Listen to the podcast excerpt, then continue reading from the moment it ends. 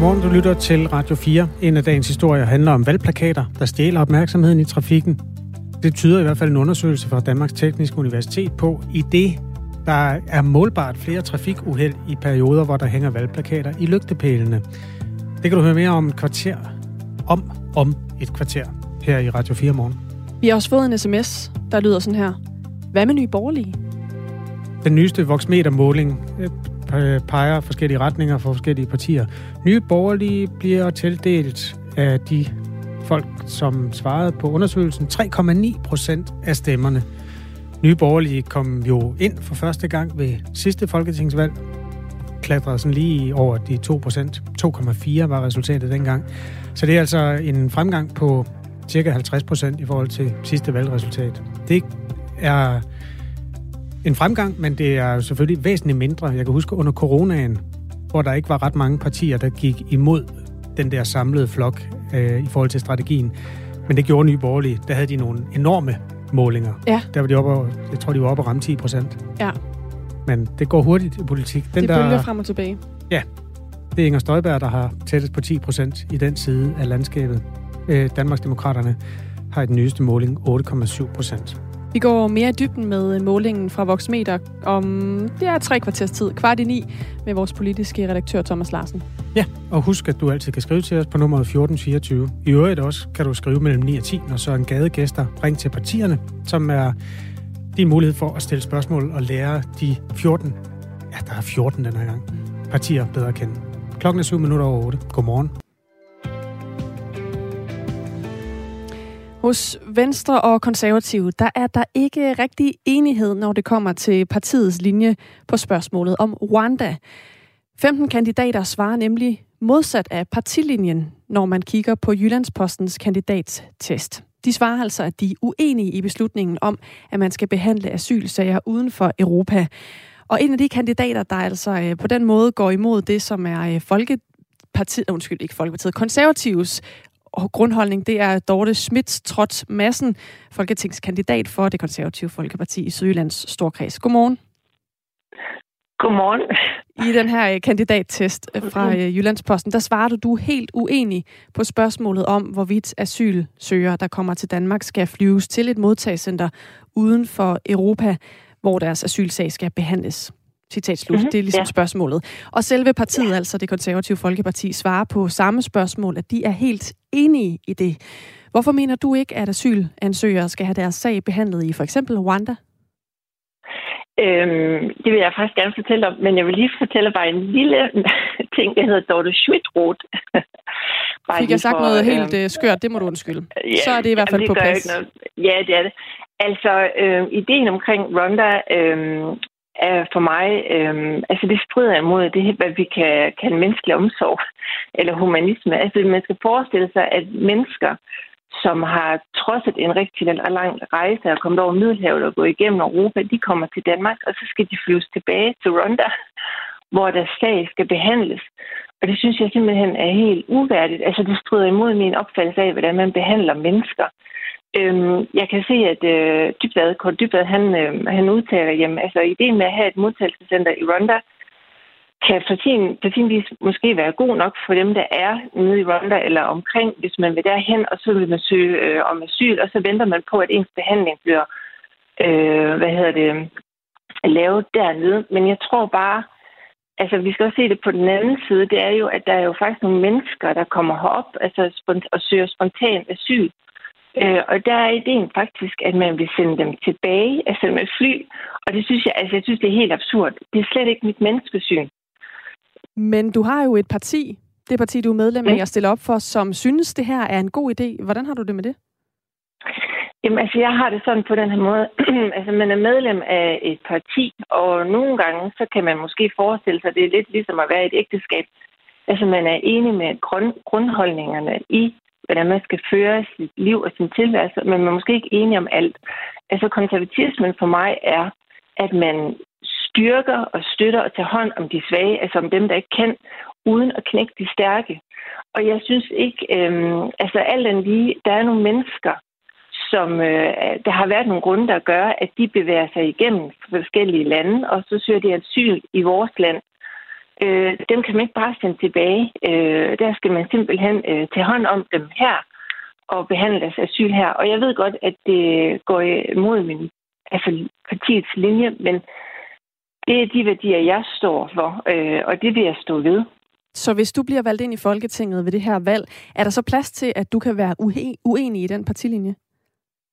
Altså det, tænk, altså det tænker jeg, og det ved jeg også, at øh, altså jeg har orienteret også mit, mit parti om det her, så det, det tænker jeg, altså man kan jo ikke... Øh, altså som sagt, altså man har nogle grundholdninger, øh, og, øh, og der er jeg enig i, i det, som det konservative folkeparti står for langt hen ad vejen, hvordan man skal opbygge en stat. Øh, men, men lige det her med, altså at lave et modtagscenter i et land, det kan være som... Altså, det er en god nok idé for dem, som er dernede og tror på ideen om, at nu tager vi hen til det her center og søger om asyl dernede, mm. og så venter vi på det. Men bagsiden af det her er jo, at når der er nogle mennesker, der kommer herop og søger spontan asyl, så betyder det, at vi sender dem tilbage.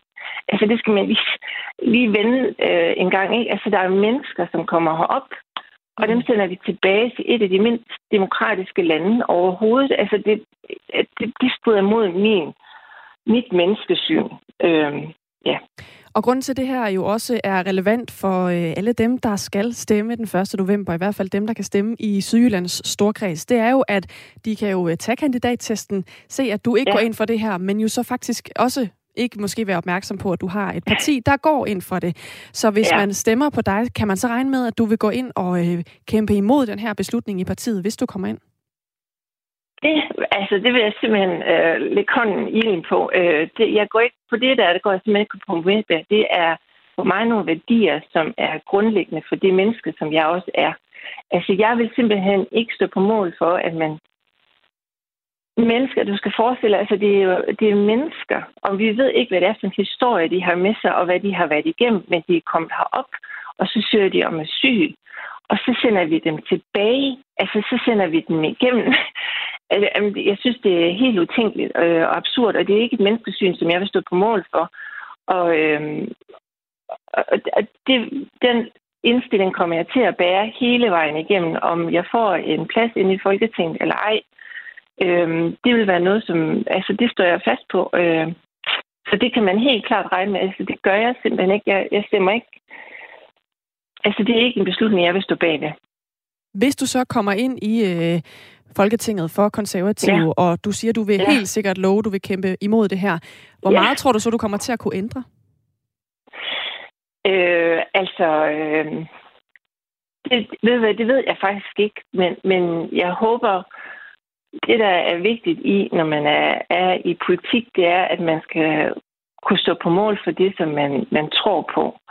Og så øh, vil der være nogle mennesker, som støtter mig, og jo flere, der støtter mig i mit kandidatur, og de værdier, som jeg repræsenterer, så må man jo håbe, at jeg får mere tyngde, og på den måde kan være med til at gøre en forskel.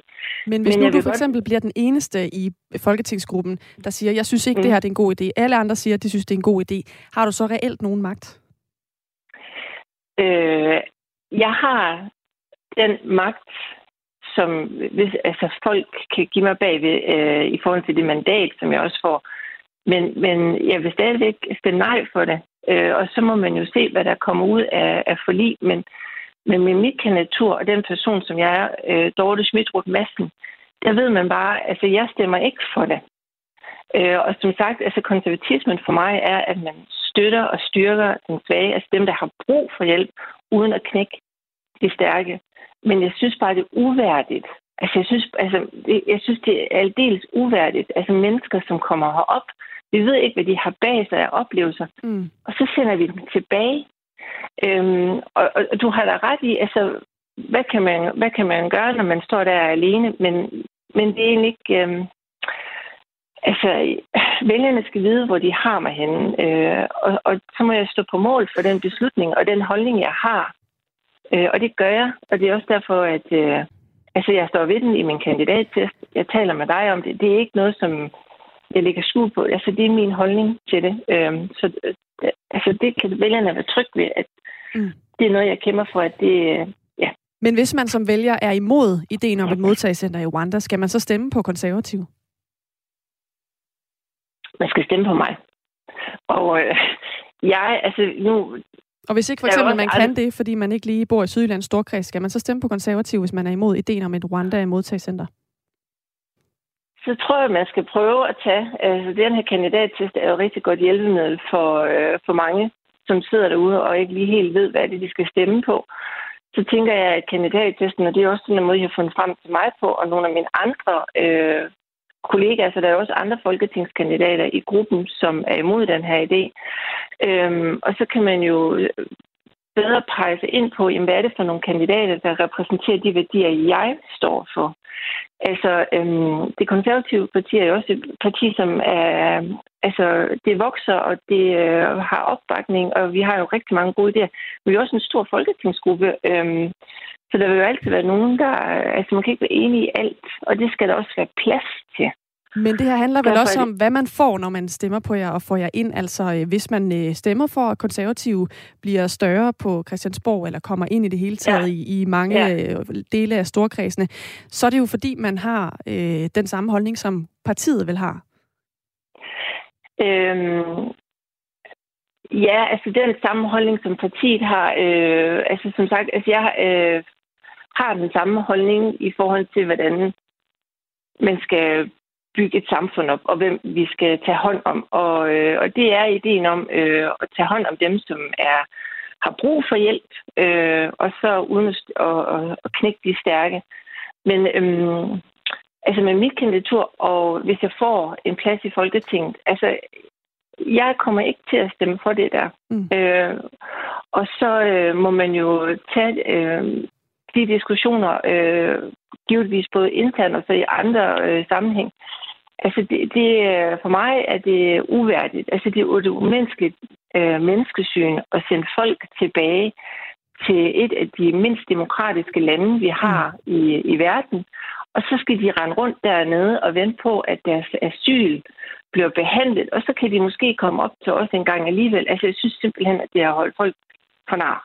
Altså. Tak, fordi du vil være med ja. her, Dorte Schmidt-Roth Madsen, folketingskandidat for det konservative Folkeparti i Sydjyllands Storkreds, og øh, også Isabella Arndt og nuværende konservativ folketingsmedlem Birgitte Bergmann er uenige i konservatives generelle politik på det her område.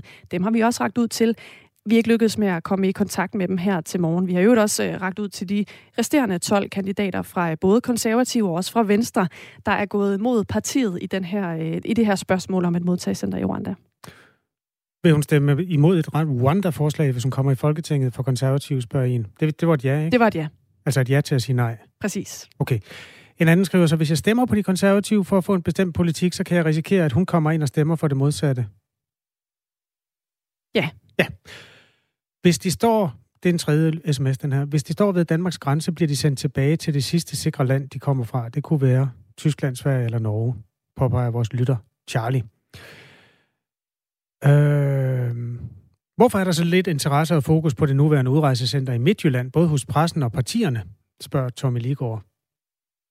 Du skal ind og høre podcast, Tommy. Vi dækkede simpelthen fra gulv til loft om øh, det udrejsecenter i går. Så Radio 4 Morgen, selvom det er et aktualitetsprogram, som vi sender dagligt og med fokus på dagens nyheder, så kan man også snyde og finde det fra i går. Der var masser af øh, Kærs Hovedgård-debat øh, der.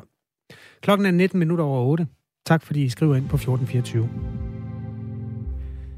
Der er valgplakater over det hele. Siden i lørdags har politiske budskaber og folketingskandidater af alle slags kæmpet om pladsen i plakater, lygtepæle, facader og sågar busser landet over.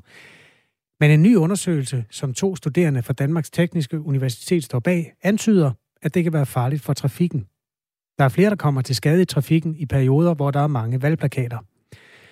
Men er det så også det billede, vi danskere har af plakaterne? Vores reporter Nikolaj Torgård Henriksen har været en tur øh, på en parkeringsplads, der ligger ude i virkeligheden. Den her ligger foran Musikhuset i Aarhus. For at spørge bilisterne, om deres valgplakater eller om plakaterne egentlig generer deres udsyn og opmærksomhed på trafikken, når de kommer forbi dem. Det er der delte mening om. Forstyrrer valgplakaterne dig, når du kører i bil? Ja, det synes jeg. Hvordan? Eh, det er for mange, simpelthen. Og så er det så små, at eh, du ikke ser det ordentligt, hvis du ikke stopper. Så du synes, du skal stoppe op for, for at se beskeden på dem? Og det må jeg ikke. Så det er, det er det som er vanskelig. Du, det, blir, det blir for mye forstyrrelse når man kjører. Har du lagt mærke til nogle bestemte nogen, der har forstyrret dig mere end andre? Eh, nei, egentlig ikke. Nei, nei det, det, det, det kan jeg si. Nei, det tror jeg ikke. Der er en undersøgelse, der viser, at der sker flere biluheld her i øh, perioden, hvor der er valgkamp. Hvad tænker du umiddelbart om det? Det er jo galt. Det er ikke sånn det skal være. Det er for mange valgplakater. Det blir for forvirrende. Man fokuserer ikke på, på, på veien. Man skal se hva som står på plakaten, og det klarer man heller ikke. Forstyrrer valgplakaterne jer, når I kører i bil? Jo, jeg, nogle steder gør de. Hvordan? Jamen, der er bare for mange af dem. Øh, ja, skilte bliver næsten skjult nogle gange af dem. Og du kan ikke lade være med at kigge efter dem nogle gange. Hvad er det for nogle elementer på skiltene, du lægger mærke til? Jeg lægger mærke til ansigterne. Ikke mere. Nej. Der er en undersøgelse, der viser, at der sker flere biluheld her i øh, perioden, hvor der er valgkamp. Hvad tænker du umiddelbart om det?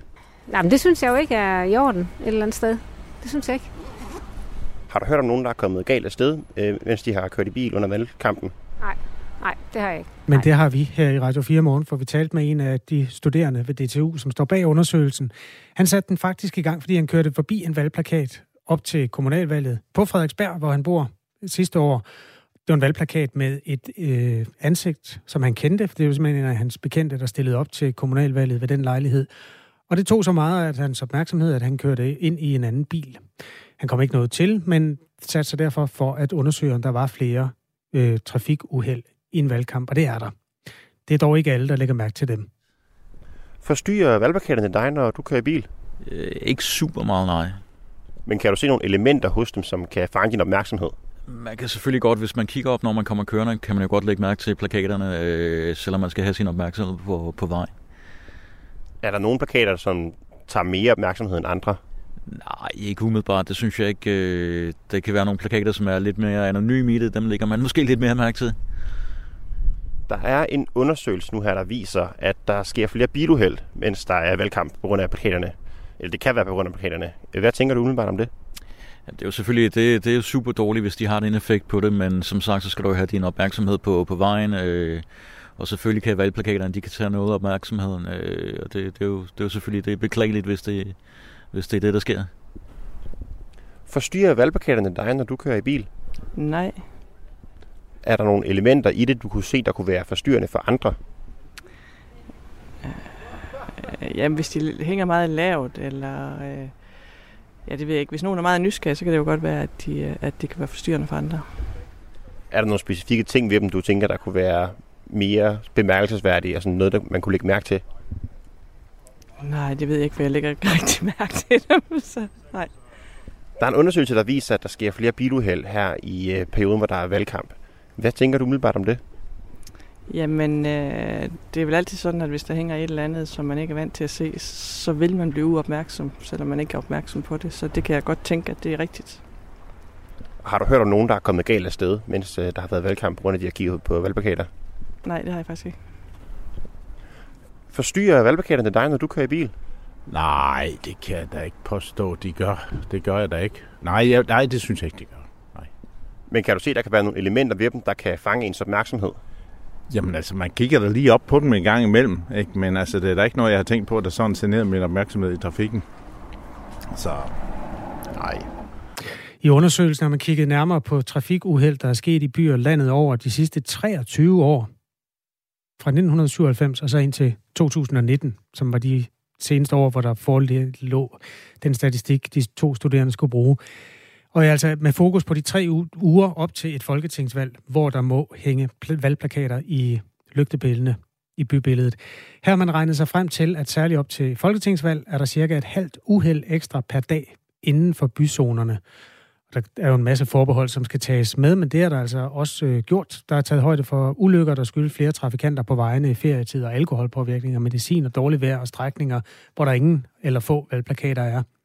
Så øh, det er altså evidens, at øh, der, der er simpelthen flere uheld, og det er dermed en lille smule statistisk farligere at bevæge sig rundt i trafikken lige nu. Så hold øh, øjnene på vejen. Datasættet i DTU-undersøgelsen kan øh, man finde øh, på internettet. Det er nogle hårde beskyldninger, der er kommet frem i den tidligere chef for Forsvarets efterretningstjeneste, Lars Finsens nye bog. Den hedder Spionchefen, erindringer fra celle 18. I den beskriver Lars Finsen blandt andet et møde med den daværende forsvarsminister Trine Bremsen. Ifølge Lars Finsen, så siger hun, og nu citerer jeg, at hun var med på, at der ikke er noget at bebrejde hverken FE, din indhentningschef eller dig, men du har været med så mange år, at du godt ved, at jeg skal kunne tælle til 90. Citat slut. Ifølge bogen altså, og ifølge Lars Finsen, som jo er afsender på bogen, så frygtede Trine Bremsen, at kritik fra tilsynet med efterretningstjenesterne ville ramme så voldsomt, at regeringen ville ende med at gå af. Og det her kommer jo i kølvandet på en lang sag, der i virkeligheden har været om Lars Finsen og om øh, også flere andre i øh, efterretningstjenesterne. Men hvis det er sandt, det han beskriver her om den tidligere forsvarsminister, så er det vildt, vurderer Peter Ernst Rasmussen, der er redaktør på forsvarsmediet Olfi og vært på programmet Frontlinjen her på kanalen. Det er jo noget af en oplysning, hvis det er korrekt, at øh, forsvarsministeren rent faktisk godt ved, at der ikke er noget at komme efter i forhold til chefen for Forsvarets efterretningstjeneste, og hun alligevel hjemsender ham og fire andre ledende medarbejdere fra FE for at vise politisk handlekraft. De borgerlige partier har øh, reageret på den her nye bog fra Lars Finsen og vil have en kommissionsundersøgelse af forløbet. En af dem, der vil have det, er Danmarks Demokraternes formand Inger Støjberg. Det her, det kan vi selvfølgelig ikke lade, lade stå hen i det uvisse, altså hvad der er op og ned i den her sag. Det er jo enormt alvorligt. Det er jo ikke bare alvorligt i forhold til, til Lars Finsen selv og, og hans altså kan man sige, person, men, men det er jo alvorligt nok i sig selv, men det er jo også alvorligt i forhold til øh, vores, øh, for eksempel vores samarbejde med andre øh, landes efterretningstjenester og vores allesammens tiltro til efterretningstjenesterne. Man skal lige tænke på, at efterretningstjenesterne er jo af gode grunde mere lukkede organisationer end alle andre. Og det vil sige, at der skal jo være en stor grad af tillid fra fra danskerne og, og det dermed også fra politisk hold til efterretningstjenesterne. Og hvis vi så nu kan begynde med at se, at der har været en eller anden form for politisk indblanding i efterretningstjenesterne, altså nu her helt konkret jo så i, øh, i Forsvarets efterretningstjeneste, jamen så mister vi jo selvfølgelig alle sammen tilliden. Og det er jo klart, det gør udenlandske efterretningstjenester også. Og vi lever jo af, at udenlandske efterretningstjenester blandt andet af, at øh, udenlandske efterretningstjenester giver os informationer øh, i Danmark, fordi vi jo er af gode grunde et øh, mindre land, øh, end, øh, og, og dermed også med, med mindre efterretningstjenester end for eksempel USA. Og det her ønske om en undersøgelse af hele sagen her bliver også bakket op af Jesper Olsen. Han er formand for NGO'en Transparency Internationals danske afdeling. Det er en organisation, der arbejder for at øh, bekæmpe korruption og bestikkelse. Der er krig i Europa. Danmark sender våben til Ukraine. Der er stadigvæk en terrortrussel. Der er kræfter, der vil demokratierne det dårligt. Og så har vi ikke brug for, øh, om jeg så må sige, at der er usikkerhed om efterretningsvæsenet. Og derfor er vi nødt til at få skabt klarhed og sikker hånd på rettet omkring efterretningstjenesten. Og der er kun én vej til at gøre det. Det er at få ryddet ud i alle de her øh, historier og misforståelser, hvad op og hvad ned. Vi har her til morgen forsøgt at få en kommentar fra regeringen og også fra støttepartierne, som øh, ikke er vendt tilbage. Et citat fra statsministeren kom i går til pressen, at man afventer resultatet af retssagen, før man vil forholde sig til, om der skal laves en kommissionsundersøgelse. Det er altså her, hvor man i Blå Blok har det modsatte synspunkt. Kommissionsundersøgelsen kan gennemføres hurtigere, mener man i Blå Blok hvor man altså hos de røde partier siger, lad os nu få den øh, retssag klaret først. I første omgang en domsmandssag i byretten. Øhm, efter nyhederne ja, skal vi ud og køre i valgbus. Sagen ja. er den, at der er simpelthen så mange politikere, der er på farten i øjeblikket. Og øh, det, der er det spændende, det er jo, hvordan man håndterer dem, når man skal tage imod dem. I øjeblikket kan de jo love hvad som helst, men det kan jo også være en, en god mulighed for at få ja, gjort sin øh, sag synlig i i mediebilledet? Vi skal både til Bornholm, vi skal til øh, København. Der er øh, alle mulige forskellige ting i gang ude i landet i dag. Der er også øh, Jakob Ellemann, der skal besøge et øh, plejehjem. Ja, og så skal vi i øvrigt analysere dagens meningsmålinger, som er gårdsdagens meningsmålinger, som peger øh, mange interessante steder hen. Vores politiske redaktør Thomas Larsen hjælper os med at forstå dem om et kvarter. Det er efter nyhederne. Klokken er halv ni.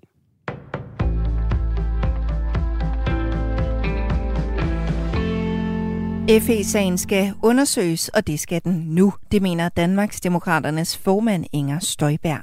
Det her, det kan vi selvfølgelig ikke lade, lade stå hen i det uvisse, altså hvad der er op og ned i den her sag. Det er jo enormt alvorligt. Det er jo ikke bare alvorligt i forhold til, til Lars Finsen selv og, og hans altså kan man sige, person, men, men det er jo alvorligt nok i sig selv, men det er jo også alvorligt i forhold til øh, vores, øh, for eksempel vores samarbejde med andre øh, landes efterretningstjenester. De borgerlige partier bakker alle sammen op om en undersøgelse af sagen. Det kommer efter nye anklager i en bog, som netop er blevet udgivet, hvor den hjemsendte chef for Forsvarets efterretningstjeneste, Lars Finsen, fortæller sin side af sagen og hjemsendelsen, som han mener var politisk motiveret. Moderaterne vil dog vente med en undersøgelse til der er sat punktum i Lars Finsens straffesag, men undersøgelsen skal i gang med det samme, mener Inger Støjberg. Vi ved jo godt, at øh, sagen omkring Lars Finsen, det kommer til at trække ud. Det her, det kan vi jo ikke bare lade, lade stå sådan flagrende i vinden, og derfor så bliver man nødt til at komme i gang nu her med det samme med det øh, igen, altså for at være sikker på, at efterretningstjenesterne fungerer, som de skal, at øh, vi alle sammen kan have tillid til det, og at udenlandske efterretningstjenester også kan samarbejde med for eksempel Forsvars efterretningstjenester i, øh, i tiltog til, at der jo ikke er en anden form for politisk indblanding i øh, tingene. Statsminister Mette Frederiksen vil afvente dommen i Lars Finsens straffesag, inden hun vil tage stilling til en eventuel undersøgelse af sagen. Det samme mener SF, Radikale Venstre og Enhedslisten.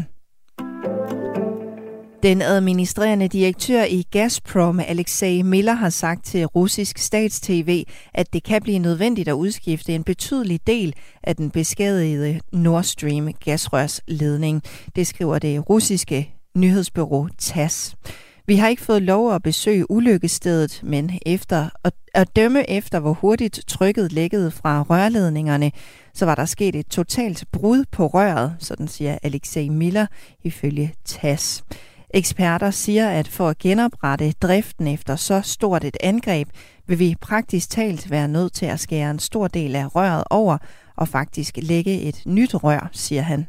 Sideløbende skriver Reuters, at Miller er citeret for at sige, at den berørte strækning spænder over hundredvis af kilometer på den russiske side af gasledningen.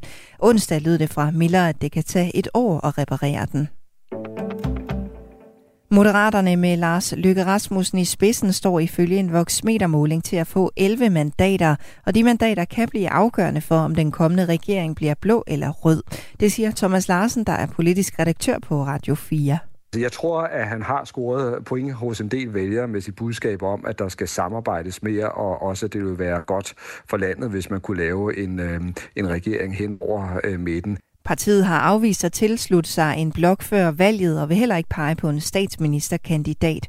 Alligevel er Lars Løkke Rasmussen populær. Jeg tror også, en del af det handler simpelthen om, at han også i, i, i en del vælgers øjne er en øh, meget slagkraftig, øh, indsigtsfuld øh, politiker, og det har også været åbenlyst for enhver, at han har øh, stortrives i de her øh, store debatter, der har været, og jo også altså, i den grad kan matche øh, de politikere, som han øh, debatterer med. I dag bliver det mest skyet, og så kan der komme lidt regn nogle steder, men efterhånden også stedvis lidt sol. Temperatur mellem 11 og 14 graders varme, og så får vi en svag til jævn vind. Det var nyhederne på Radio 4 med Signe Ribergaard Rasmussen.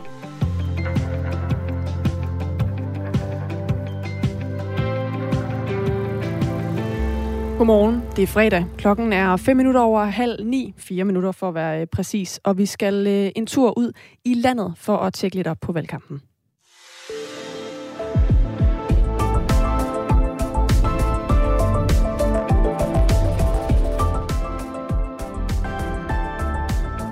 Fordi øh, det er i de her dage, at politikerne besøger landet alle mulige steder for at øh, prøve at forklare, hvad de står for og hvorfor man skal stemme på dem. Og det gør sig også gældende øh, på Lolland. Hvor friplejehjemmet Guldbo Sund får besøg af Venstres formand, statsministerkandidat Jakob Ellemann Jensen. Dorte Olsen Klut er direktør på plejehjemmet og rehabiliteringscentret Guldbo Sund. Godmorgen, Dorte. Godmorgen. Hvad glæder du dig mest til at vise Jakob Ellemann?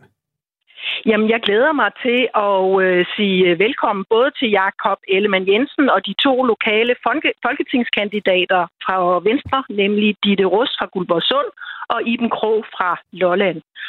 Og øh, vi glæder os til at vise rundt på Guldborgsund, som er en multifunktionel virksomhed, den eneste af sin art i Danmark, som for uden 50 friplejeboliger også rummer rehabiliteringspladser til privatbetalende gæster okay. kursus- og konferencefaciliteter med op til 300 deltagere, et udendørs og et indendørs fitnesscenter og en restaurant. Du er varmt over og... Olsen Klut, det er godt at høre. Øh, jeg skal lige sige til folk, at øh, det her det er i parentes bemærket et privat ejet plejehjem, og det drives altså ikke af en kommune eller en anden offentlig instans. Og det var faktisk en af de ballonger, der blev sendt op, da der var blot pressemøde tidligere på ugen. Der blev det jo lagt frem som et selvstændigt øh, valgkampspunkt, at der skal være friplejehjem som jeres i alle kommuner. Det virker næsten helt koordineret, at, også fordi nu kommer der tre venstrefolk der. Er, er du sådan i, i lommen på venstre eller omvendt? Nej, jeg er ikke i lommen på, på nogen som helst. Øh, der er hverken øh, religiøse eller politiske øh, holdninger her på det her friplejehjem. Så så det, det har intet på sig, kan man sige. Vi får tit og ofte besøg af andre politiske kandidater, så, så det her, det er, det er ikke et et øh, forsøg på, på noget som helst i forhold til øh, Venstre. Hvad, hvad er så vigtigt? Altså, du skal jo stå for driften af det her. Du er jo interesseret i, at forholdene er så gode som muligt, både for jeres virksomhed og selvfølgelig for dine ansatte og sådan noget. Hvad er vigtigst at få på dagsordenen for jer?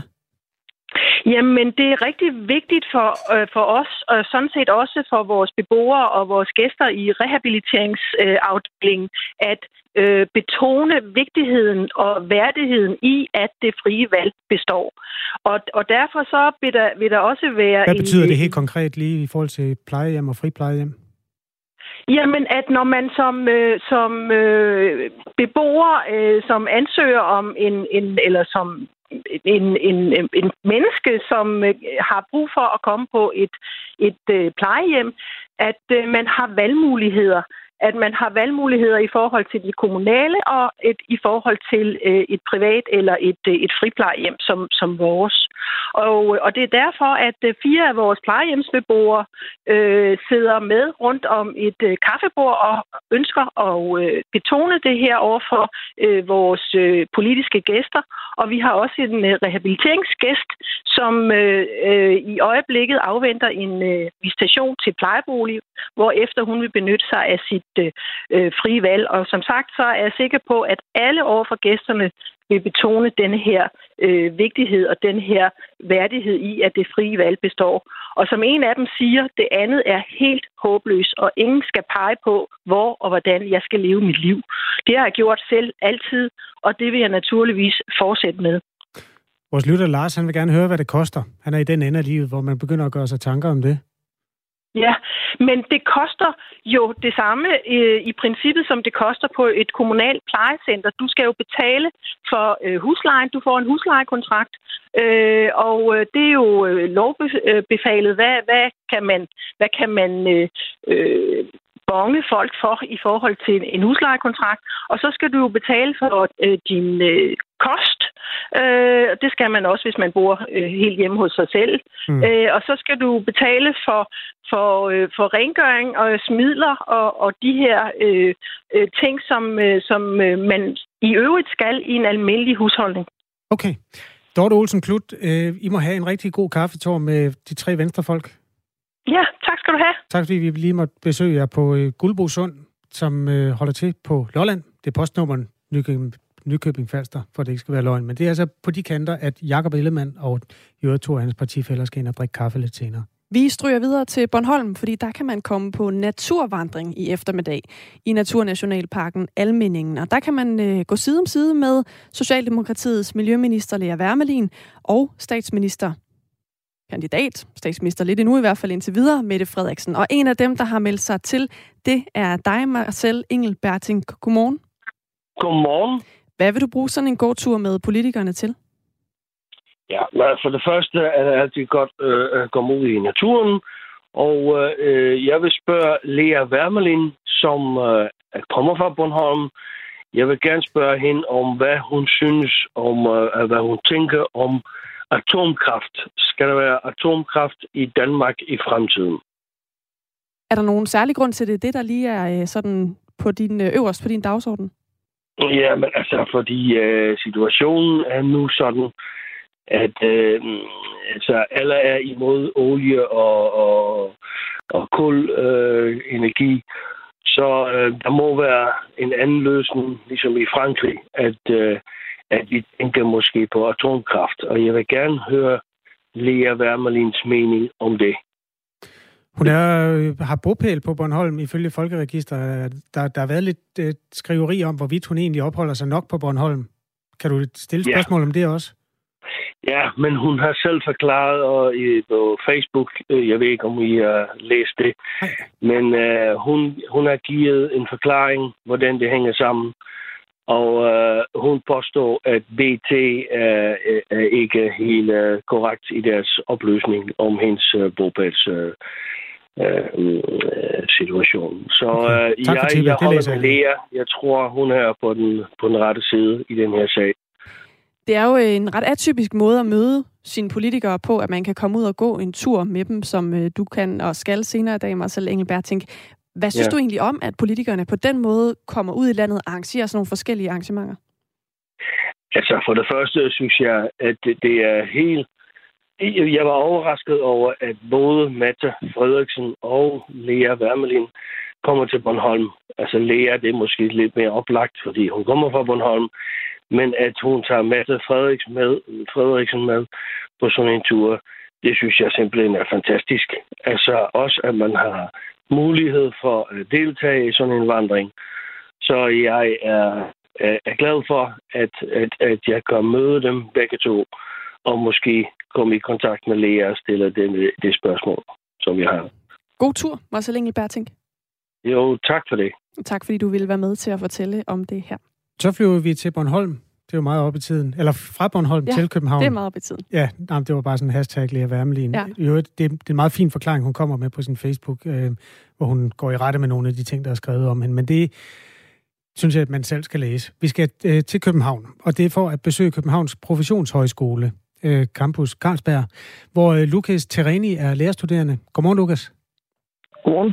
Skolen får besøg af Socialdemokratiets Ida Augen, Enhedslistens Rosa Lund, Venstres Janne Jørgensen, Konservativs Laura Lindahl og Radikales Claus Bondam. Hvad håber du ja. at få ud af debatten i dag? Jamen, øh, jeg håber at få, øh, få fokus på, øh, på selve læreruddannelsen, øh, og, og hvorfor der er så stort øh, frafald øh, af lærere. Nu snakker vi meget om sosuer, pædagoger og sygeplejerske. Øh, jeg synes, at øh, lærerne øh, mangler lidt i, i hele den her øh, debat. Øh, jeg kunne godt tænke mig at spørge dem omkring, jamen, hvorfor de, de selv tror, at der er så stort et frafald på for eksempel læreruddannelsen. Hvorfor øh, tror du, der er så stort frafald på læreruddannelsen? Jamen, øh, jeg tænker, at det er mange af de her skrækhistorier, man hører ud fra folkeskolen med, at jamen, øh, så er der øh, for mange timer, og så er der for meget pres, og så er der den ene og den anden og den tredje sag, og der er ikke tid nok, og øh, den forberedelsestid, man har, skal man egentlig bruge derhjemme, og det enkelte barn tager for meget tid, og klasserne er for store. Altså, altså lidt for langt.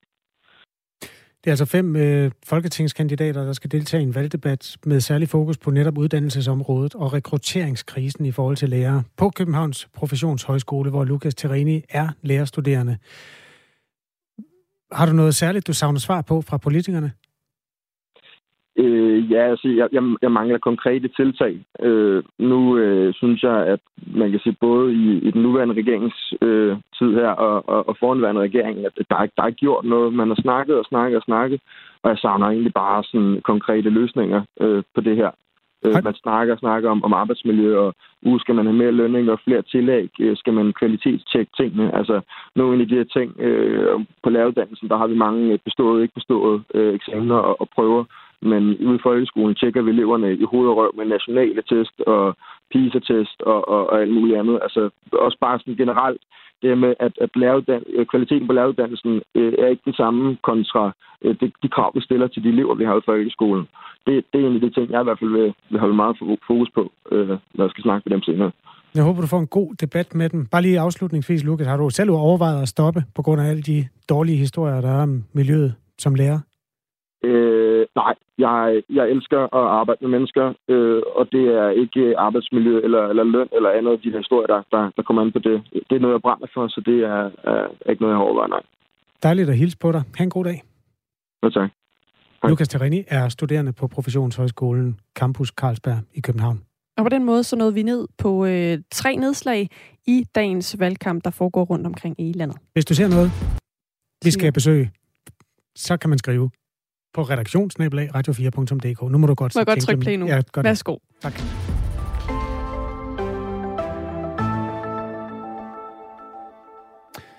Gennem morgenen har vi belyst de seneste meningsmålinger, der både fortæller om stor medgang til Alternativet og stor modgang til Konservative.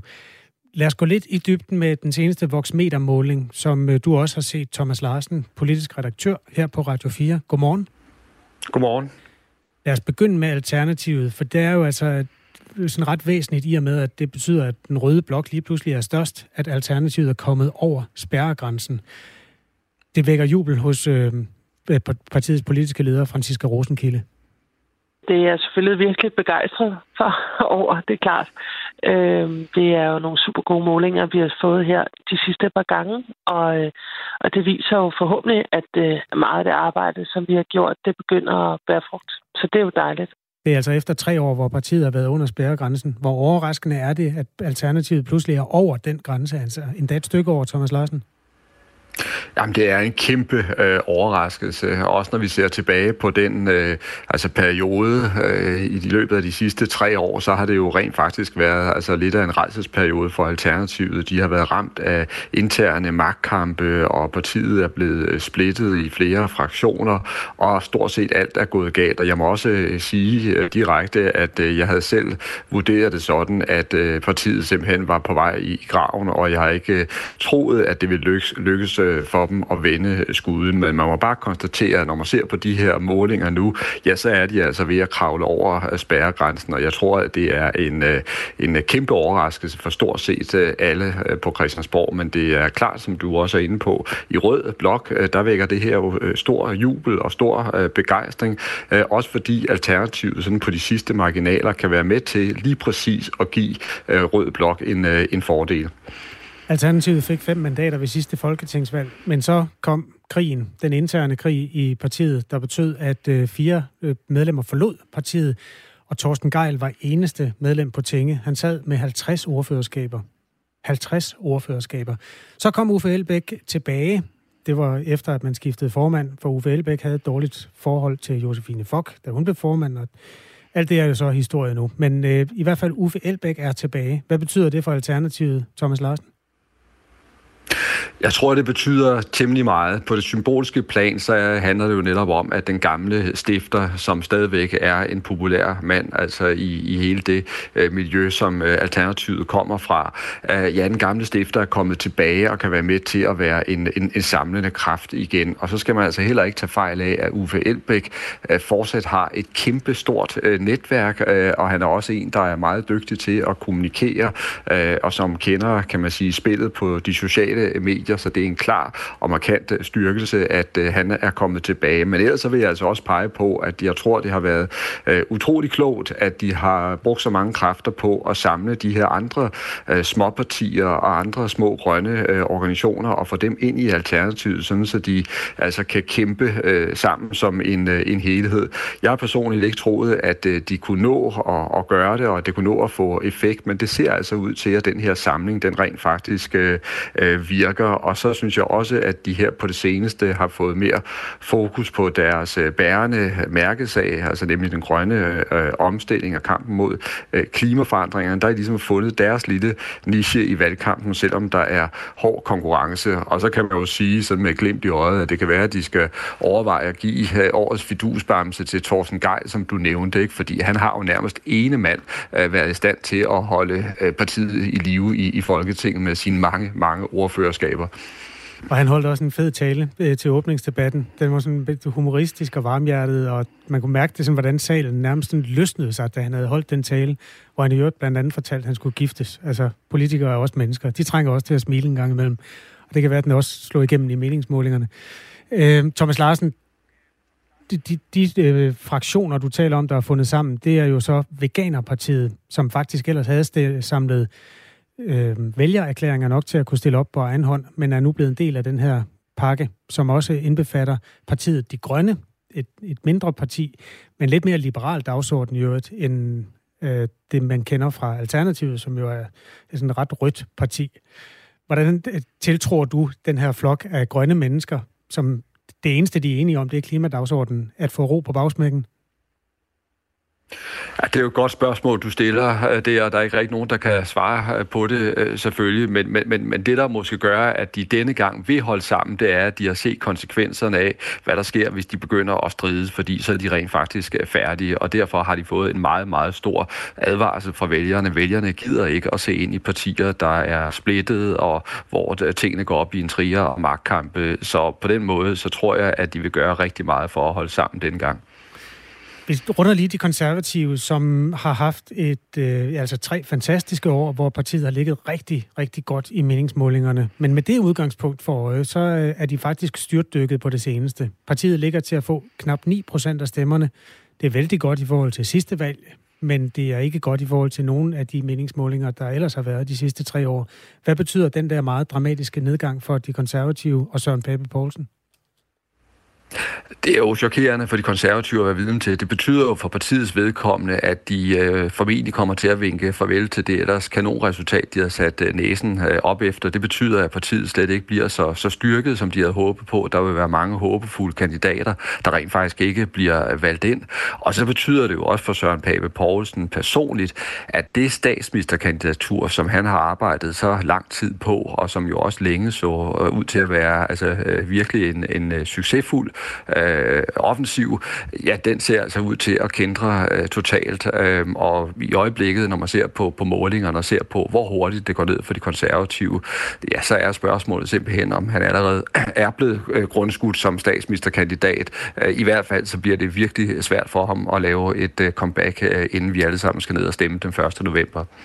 Så skulle man tro, Jacob Ellemann på en måde var glad, for der har jo også været en intern kamp om, øh, hvem der skulle være præsident internt i Blå Blok. Men øh, det kan vel også blive alvorligt for Venstre og hele den Blå Bloks drømme om at overtage magten?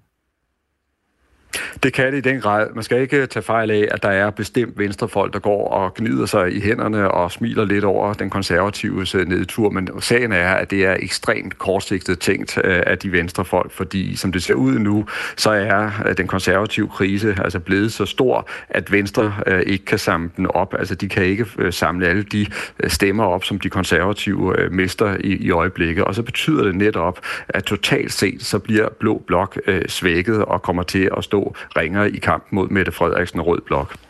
Tak, Thomas Larsen, politisk redaktør på Radio 4, der altså hjælper os med at øh, kigge ind i de meningsmålinger, der kommer i øjeblikket. Den seneste kom fra Voxmeter i går. Klokken er syv minutter i ni den her fredag morgen.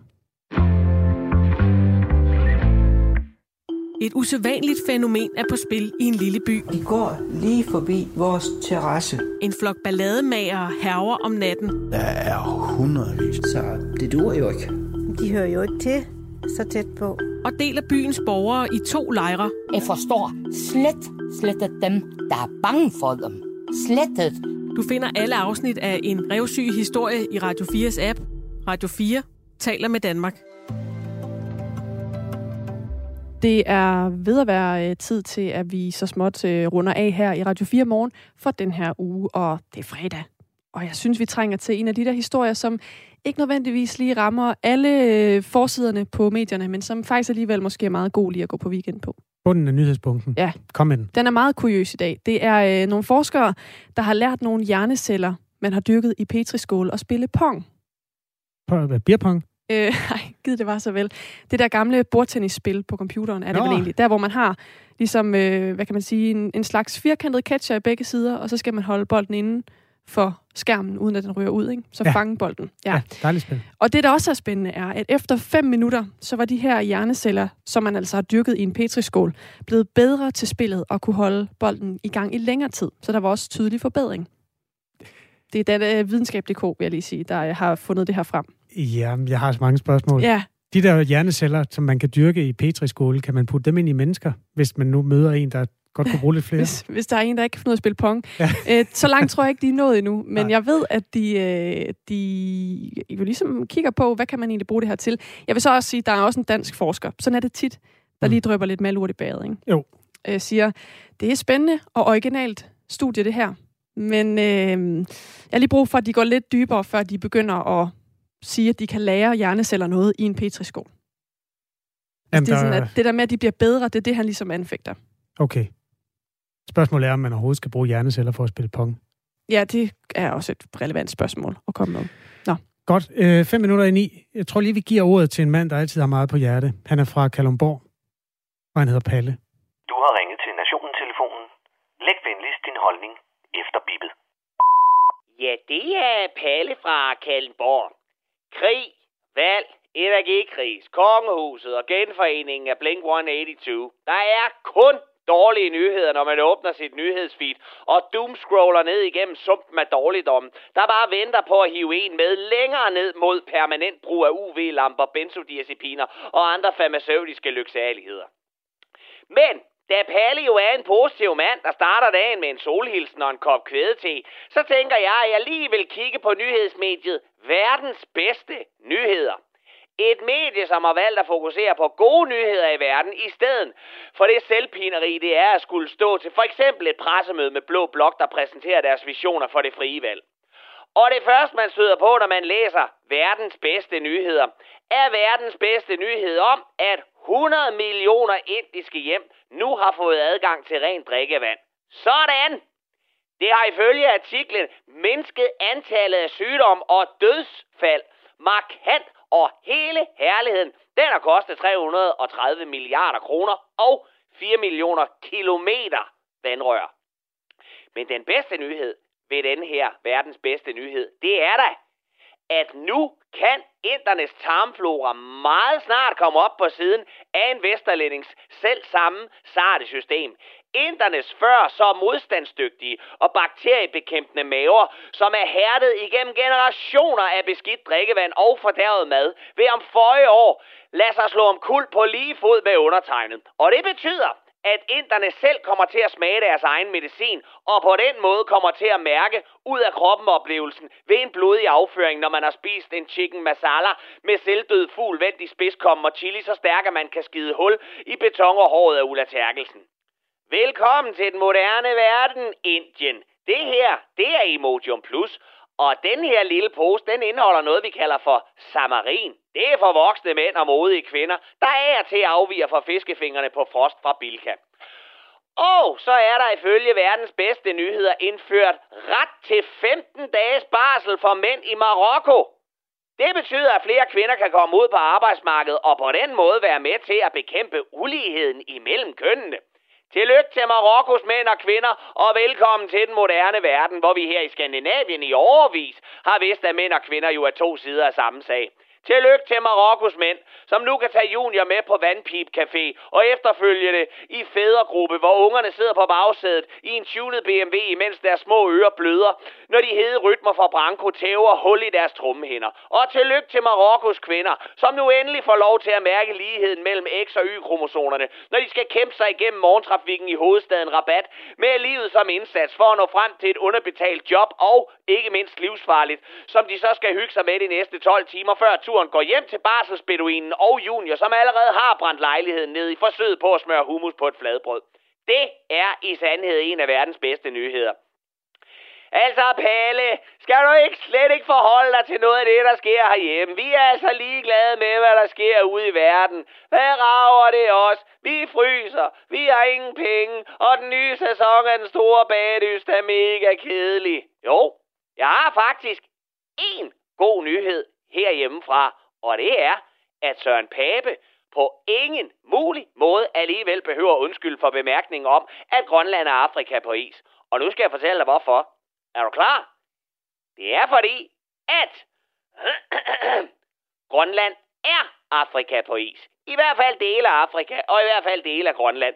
Men nu skal vi heller ikke lade en god one-liner blive ødelagt af for meget fakta. Vel, kære Grønland og kære Afrika, og hvem der ellers bliver sure, Undskyld, at vi hvide pækhoveder har gennemknippet jeres lande og smadret alt, hvad vi kommer i nærheden af. Undskyld. Virkelig, jeg mener det. Undskyld. Og når det så er sagt, så må I da indrømme, at det sejler visse steder i jeres hjemstavn med korruption, børnemishandling, høj selvmordsrate, alkohol- og stofmisbrug og en evne til, at økonomiske hjælpemidler ender i de forkerte lommer. Men verdens bedste nyhed er, at det gør det også her i Danmark. Danmark er Grønland i mudder. Og det, din frække inuit, det var Palle fra Kalmborg. Ring til Radio 4 om 5 minutter. Klokken er 9.